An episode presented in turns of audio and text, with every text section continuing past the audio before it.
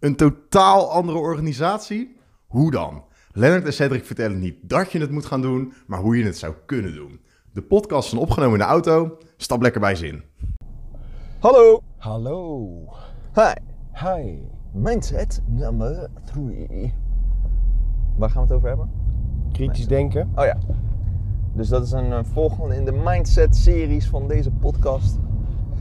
Ehm, Waarom denken wij anders? ja, Het is omdat we overal vraagtekens bij zetten. Dan hebben we dat al gezegd.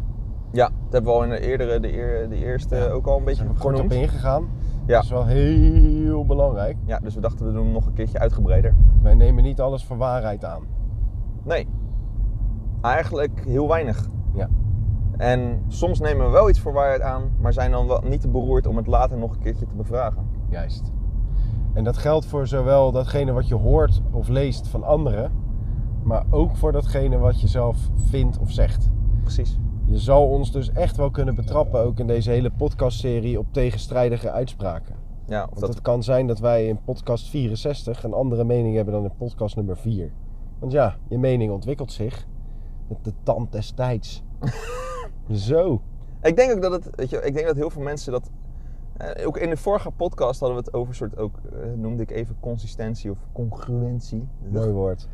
Ja, vind je het mooi? Ik Ja. vind het een beetje zo. ugh. Eh, maar ehm, heel veel mensen zijn bang om een, a- van mening te veranderen omdat ze dan niet consistent of congruent zijn. Mhm. Maar ik denk dat dat helemaal niet zo is. Daar zit, een, daar zit een, ergens een mooie middenweg dat dat juist wel kan, omdat je jezelf durft te bevragen. Ik denk dat dat juist ook mooi is, weet je wel? Als je daar consistent in bent en mensen weten dat omdat je er transparant in bent en kwetsbaar en zegt ik heb niet altijd gelijk en soms zwets ik maar wat, dan is dat ook consistentie Ja. en dan kun je daarna een vrij inconsistente mening hebben. Ja. Heerlijk. Kijk, Haltsie Flats, dat is diep. nee maar- hoor. dat is vrij simpel. Oh. Maar in ieder geval, eh, voor, in ieder geval voor die manier van organiseren heel erg belangrijk natuurlijk. Omdat wij eh, continu dus eh, heel veel bestaande dingen eigenlijk hebben bevraagd. Ja, maar waarom is dat zo? Waarom is dat zo? Is dat wel handig? Doe dat, eh, is het, eh, voegt het wel wat toe voor onze klanten en onze collega's? Ja of nee? En als het niet wat toevoegt, of eigenlijk gewoon in de weg staat, waarom zou je het dan niet bevragen en misschien wel zelfs kapot maken? Eh, en ehm, En Of hoe doe, je, vervangen. hoe doe je dat dan, dat bevragen? Nou ja, gewoon echt inderdaad daar. De, de- die, hè, wij hebben dat al eerder gezegd. Die waarom, waarom, waarom sessies helpen daar heel erg als een soort, soort vehicle. Een, Mhm. een voertuig, een machine, een, een, een ding wat, wat ervoor zorgt dat je dat in eerste instantie kan gaan doen. Mijmer je die dan in jezelf? Nou, het is heel fijn om dat met een, gro- met een groepje mensen te doen of met z'n tweeën. Omdat je daarmee een beetje kan sparren. Mhm. Eh, eh, en, en omdat je dan ook onderwerpen kan oprakelen waar je niet zo snel aan denkt. Omdat de, de groep daar in de breedte dan wat meer over denkt. Ja. Eh, nou, die waarom, waarom, waarom sessies hebben we al eerder een andere aflevering op gedaan. Dus daar kan je dat luisteren als je dat eh, interessant vindt. Ja. Maar heel erg gewoon eh, eh, kijken naar gewoon hele simpele dingen. Of dagelijkse dingen, de waan van de dag dingen waar je eigenlijk niet over denkt. En dat dan bevragen. Eh, de, de, waarom hebben we, waarom komen we hier om 9 uur? Waarom Precies. werken we 8 uur? Maar goed, dan heb je de waarom-sessies in, in een groepje. hè? Wat Ja. kun je nou in je eentje doen, eh, behalve de waarom-vragen? Want je hebt, eh, je hebt wel honderd keer op een dag heb je gedachten. En daar kan je niet altijd gegroepeerd waarom-sessies voor doen. Nee, maar ik denk dat je er sowieso altijd wel een, kri- eh, de kritische kant is. Oké, eh, je vaak denk je aan de positieve zijde van iets. Probeer dan ook een keertje de negatieve, de negatieve zijde voor. Sorry voor het boertje. Hoe De doe je- negatieve hoe doe je- zijde. Hoe doe je te dat in je benoemen. hoofd? Nou ja, ik, ik, ik denk wel eens soms aan de. Als ik aan iets positiefs denk of denk, oh dit zou wel eens goed zijn, dan denk ik, oké, that's the white side. En dan gaan we even denken, wat is er allemaal shit aan? En dat is de dark side. En dan eh, eh, misschien zit het wel ergens tussenin. Hè? Dus dan ga ik ook naar een grijs gebied zoeken, weet je wel. Ik weet niet of dat heel erg nuttig is, maar dat is een beetje hoe het bij mij werkt. Maar hoe werkt het bij jou? Ik stel, Jij hebt daar een eh, idee voor, denk ik. Ja, ik stel voor mezelf regelmatig de vraag, wat gebeurt hier nou echt? Mhm. Dus Mooie op het vraag. moment dat ik iets vind eh, of, ik, of ik zie iets, dan eh, ga ik me vragen of hetgene wat ik zie wel daadwerkelijk eh, aan het gebeuren is. Ja, of het echt klopt. Ja. En Oké. ehm, dan stel ik mezelf de vraag, wat gebeurt hier nou echt? En als ik daar niet direct uitkom en ik niet meerdere conclusies kan trekken dan dat de eerste basale wat ik denk, dan stel ik ook gewoon die vraag hardop aan anderen. Juist. En dat eh, werkt voor mij als een geit. Ik doe dat echt eh, meerdere keren in de week. Dus ik heb een soort van waarom sessies in mijn eentje. Ja, maar dan werkt. zeg je wat gebeurt hier nou echt? Dat Ja. is een leuke vraag. Ja, wat gebeurt hier nou echt? Oké. Dus eigenlijk heel vaak wordt er ook eh, gezegd, ah, je moet die helikopterview view proberen. Maar helikopter is voor mij een soort van eh, vrij abstract. Omdat ik denk, ja, helikopter, ik zit dan niet in een helikopter. En je hebt ik weet- hoogtevrees? En ik heb hoogtevrees. en ik, de laatste keer dat ik in een helikopter zat was eh, met mijn huwelijksreis tien jaar geleden. Nou, dat is wel leuk. En ik weet nog wel hoe dat gevoel was, maar ik word er niet, op- niet heel comfortabel van. En daardoor eh, ben, ik, ben ik niet vrij in mijn hoofd. Helikopterview helpt mij niet, maar gewoon de vraag stellen, wat gebeurt hier nou echt? Ja, Helps- Nou, mooi. Works for me. Mooi. Works Mooi. for everybody overigens. Want ik heb dat eh, meerdere collega's heb ik daarmee aangestoken. Die doen dat nu regelmatig. Ja, cool. Ja. Cool. Nou ja, ik, ik denk dat dat... eh, en, en, en heb je dat soort van zelf bedacht? Of hoe is dat bij jou een beetje ja, ik ontstaan? doe maar wat, ja. Ja, ja maar oké. maar... Ja, ik weet dat ik op een gegeven moment tegen een collega zei: stel jezelf nou eens de vraag van eh, wat gebeurt hier nou echt? Ja, ja, oh ja. Daarna ben ik het gewoon tegen heel veel collega's gaan zeggen, iedere keer op het moment dat ik het idee had dat ze niet eh, verder keken dan hun neus lang is. Ja.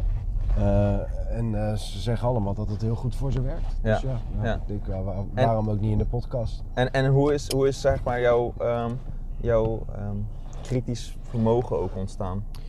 Ik ben niet heel erg goed in eh, op een universitaire manier vragen blijven stellen aan, aan, eh, op, op verschillende vlakken. Bij mij is het meer dat ik de volledige context altijd graag bekijk. Dus dat ik niet alleen maar kijk op datgene wat ik zie, maar ook de omrandingen. Dus weer, wat gebeurt hier nou echt? Ik Probeer de, de breedte in te gaan. Mhm, mhm. Dus jij zoekt naar... Oké, interessant. En daardoor kan ik ook be- dingen bevragen die standaard zijn. Dus als je kijkt naar eh, ehm, werksituaties, een 9 tot 5 mentaliteit, weet je wel, wordt er dan wel eens gevraagd. Nou, het woord mentaliteit is zo raar als je het zegt maar 9 tot 5. Nou, we zijn met z'n allen gewend aan 9 tot 5. En dan kunnen mensen heel lang een discussie voeren. Waarom werken we eigenlijk van 9 tot 5? Terwijl ik graag een discussie voer over het feit van joh, waarom bestaat het woord weekend eigenlijk nog? Mhm.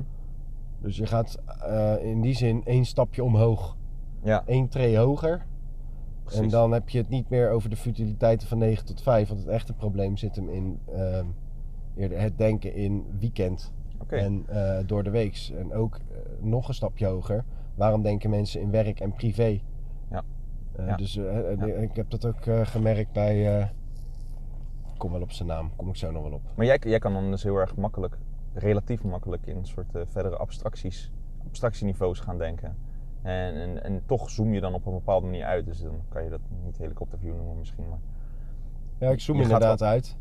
En dat, je eh, checkt wel het grotere plaatje, zeg maar. Waar, waar past dit, dit, Ja. dit cirkeltje in welke grotere cirkel, wat weer in een grotere cirkel past. En dan eh, pak je eigenlijk de grootste cirkel die je bevraagt. Precies. Mhm. En het is niet eens zozeer dat ik van tevoren weet welke grote cirkel ik dan wil bevragen, maar meer dat ik stop met het bevragen van dat kleine cirkeltje. Dus op het moment dat er vier mensen aan het discussiëren zijn over één onderwerp, dan kan ik op een gegeven moment denken van joh, eh, let, waar gaat dit over? Soms zeg ik dat dan ook hardop. Waar gaat dit over? Ja. Dat klinkt dan vrij eh, cynisch. van, Oh, waar gaat het allemaal over? Alleen dan heeft het wel nut als ik binnen 10 seconden zeg, zou het niet beter hierover moeten gaan? Ja, en, en ja. want waarom doe je dat? Waarom is het belangrijk om naar de grotere cirkel? Omdat ik, ja, omdat ik me altijd erger aan het nadenken over futiliteiten die daarna toch nergens toe Dus het leiden. is im- impactvoller. Ja, ik hou niet van eh, ineffectief Oké. eh, gedrag. En Mhm. ik ben lui. Dus je wilt gelijk het grotere, je bent een megalomaan. Liever het grotere ding aanpakken. Ja, en een beetje dramatisch. Een beetje dramatisch. Ja. Ja, ja ik vind het leuk om over van die topics te praten. En dan te zeggen, ja, maar, eh, waarom, waarom werken we eigenlijk? Ja, en, dan eh, zie je iedereen kijken, oh god, gaat hij weer, weet je wel. En dan daarna komt er toch iets intelligents uit. Dan zie je ze denken, oeh, dat is toch wel slim. Dan denk ik, haha, dat is een soort van wedstrijdje. Met, met het vooroordeel van, eh OZ gaat weer zwetsen. Ja. Dan wil ik toch laten zien dat er iets uitkomt. Dus dat is dan, mijn ego helpt dan ook wel weer. hè. Mhm. Dus dat is dan weer een motortje om wel met iets zinnigs te komen. Mhm, mhm. En is het, ja, hoe, hoe zou je dit bij andere mensen out there, hoe kunnen ze dit ontwikkelen? Of, Eh, zaken niet voor waarheid aannemen allereerst. Eh, dus dat wat je leest, kijk eerst, oké, waar komt het vandaan? Eh, vervolgens zeg, oké, als jij iets vindt over een eh, onderwerp... of je denkt eh, iets te weten of je denkt een oplossing te hebben voor een onderwerp... ga er nooit vanuit dat dat het onderwerp is of dat dat de oplossing is. Probeer dan altijd nog één keertje te kijken of er niet nog iets beters is. Juist. Dus echt zeggen, joh, volgens mij klopt het gewoon niet. Dus overal aan blijven twijfelen. Maar komt dat dan bij jou uit een beetje onderbuikgevoel ook weer? Of, of, of is het echt meer een methodetje? Eh, nee, het is intuïtie en onzekerheid. Het wordt, eh, oor- oorspronkelijk werd het altijd gevoed door onzekerheid. Ja, duidelijk. Nooit zeker weten of ik gelijk had. En daardoor altijd maar aan jezelf blijven twijfelen. En ook altijd aan je eigen mening blijven twijfelen. En daardoor heel erg veel verschillende meningen bij elkaar opgeteld laten. Duidelijk verhaal. En nu is het een eh, methode geworden. Mooi. Mooi. Wie nog weet, iets toe wie te weet voegen? kan iemand er iets mee. Ja. Ik hoop het. Ja. Ik denk dat het nuttig is. Ja. Zeker om eh, heel veel van de bestaande shit af te breken en eh, te We vervangen. hebben nu nog één minuut en dan gaan Ja. we dit bij een klant doen. We gaan even een MT eh, pesten. Yeah. Zin in. Sst, niet Joe, zeggen. doei. Oké, doei doei.